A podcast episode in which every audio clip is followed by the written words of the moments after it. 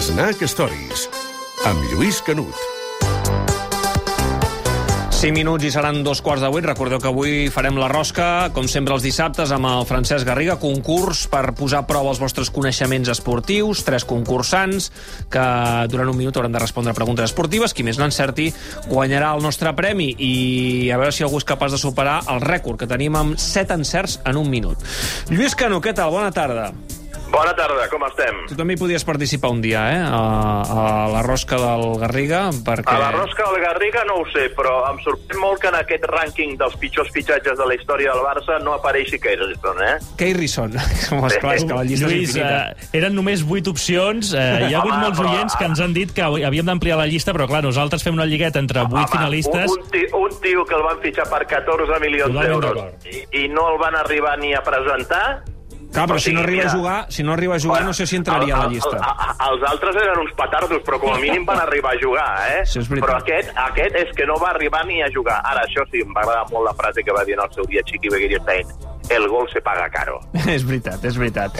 Bé, escolta'm, Lluís, eh, avui ens portes una altra història, tot i que em sembla que avui eh, vols començar Sí, la un teva intervenció amb un homenatge, Amb un eh? home- Sí, sí, el gran Luis Eduardo Aute, que ens ha deixat avui a l'edat de 76 anys i de que, entre d'altres, li recordarem aquesta cançó.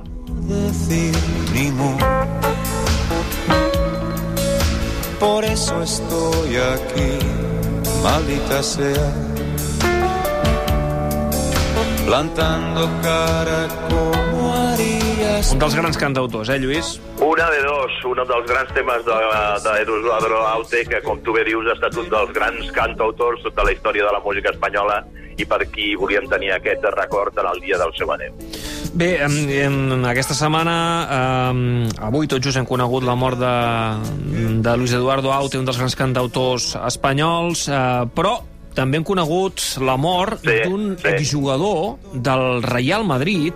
Eh, jo no l'havia vist jugar, eh, i era un jugador eh, amb fama de ser molt destralt. Estem parlant de Goyo Benito. duríssim. Era un jugador molt expeditiu, eh, d'aquells que no es casaven ningú al camp, i que, bé, eh, s'explica l'anècdota que en una ocasió, marcant aquell jugador africà que tenia el Sevilla, que es deia Biribiri, eh, en un Sevilla-Real Madrid, el Sánchez Pizjuán, Biribiri, fart de rebre pals de Benito, va haver un moment que es va acostar amb ell i va dir «Senyor Benito, no me pegue más, por favor». O sigui, perquè et facis una idea del que repartia Benito. Però Benito, si tenia un jugador que el tenia en escac i que va ser l'autèntica bèstia negra seva, aquell va ser Milonguita Heredia, un argentí del Barça que protagonitza una història prou curiosa perquè ell és el detonant del famós cas dels oriundos. I m'explico.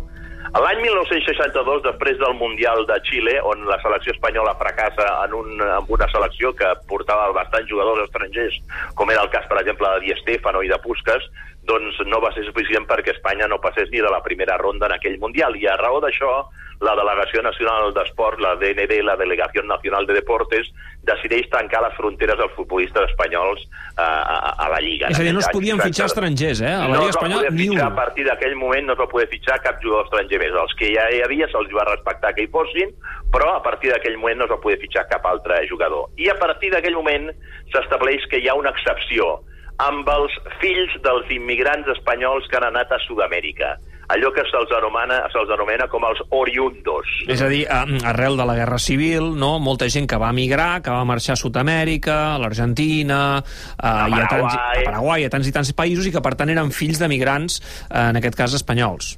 fills o nets, no? I especialment eh, la trama comença allò que es diu feta la llei, feta la trampa. I la trampa comença i eh, s'estableix a través de l'ambaixada espanyola al Paraguai, on hi havia, es que un cònsul eh, allò amb la, amb la firma lleugera, que l'home es veu que feia la vista grossa a l'hora de tramitar passaports que valien, costaven uns 10.000 dòlars, i permetia doncs, que s'inscriguissin jugadors eh, que no tenien cap procedència espanyola però que se'ls donava eh, antecedents espanyols.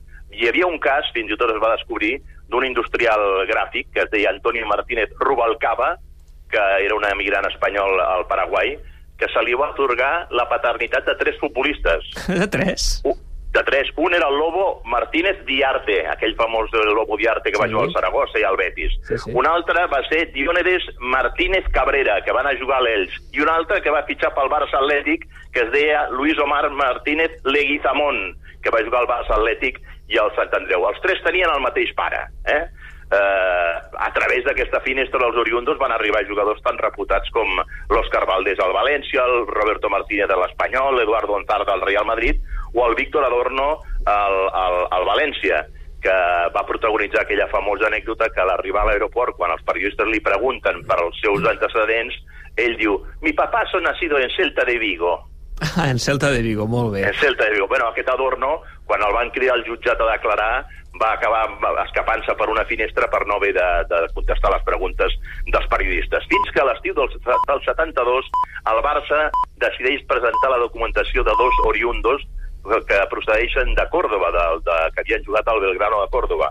Un era el Juan Carlos Milonguita Heredia i l'altre Bernardo Patricio Cos. Aquest cos, la veritat sigui dita, tenia una pinta d'indi que no se, no, no se l'acabava. Només li faltava, David, la pluma, perquè era allò moreno, cabells negres i tal, però ves per on van acceptar la documentació del cos, igual era perquè que els hi sonava que tenia un cognom català, i la d'Heredia, la d'Heredia la van tirar enrere. Heredia era el bo, i el van tirar enrere, com recordava, el que aleshores era gerent del Futbol Club Barcelona, l'Armand Carabé.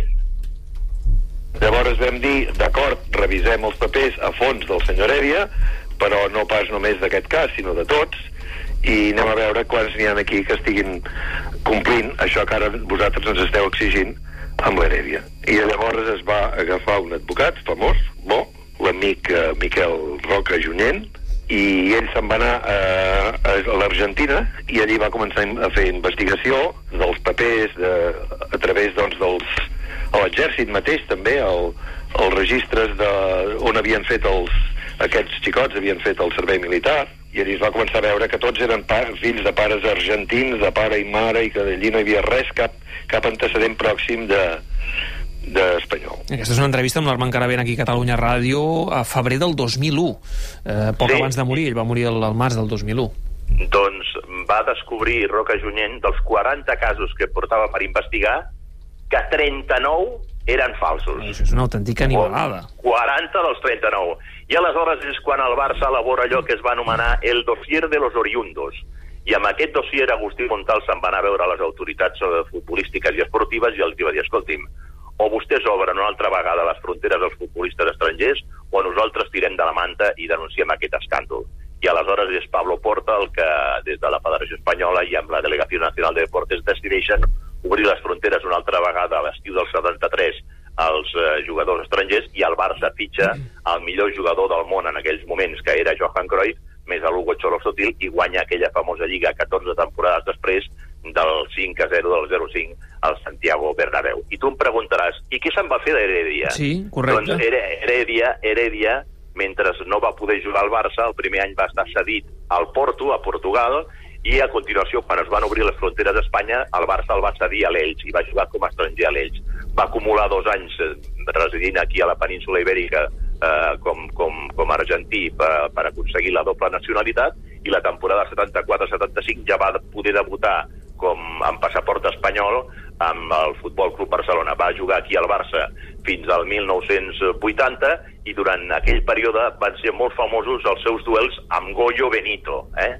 I certament treen espurnes aquells duels entre Benito i el Milonguita Heredia. Recordem especialment un gol que li va fer Heredia al Madrid, aquí al Camp Nou, al 76, en una jugada amb una pilota dividida allà al mig camp del Real Madrid, que Benito no la va acabar de treure i Heredia per darrere li va pispar la cartera, amb el cap se'n va portar la pilota cap a la porteria Miguel Ángel i quan sortia el porter del Madrid li va aixecar la pilota amb una vaselina, va passar pel costat de Miguel Ángel i encara pam la va golpejar al fons de la porteria de l'equip madridista, signant un dels millors gols que s'han vist, vist a l'estadi en els duels entre el Barça i el Real Madrid. Heredia també famós per aquell famós clau amb el que jugava a- amb Benat a la mà un partit al camp de l'Espanyol a Sarrià per espantar a Rafa Maranyón i quan eh, Maranyón va denunciar l'àrbitre que Heredia portava, portava, duia un clau a la seva mà, Heredia el va clavar, el va, el va ensorrar a la gespa a Sarrià i així no es va poder descobrir que portava aquell famós clau a la mà. Eh, Heredia que, Aquesta- que, que, que va acabar arruïnat, oi?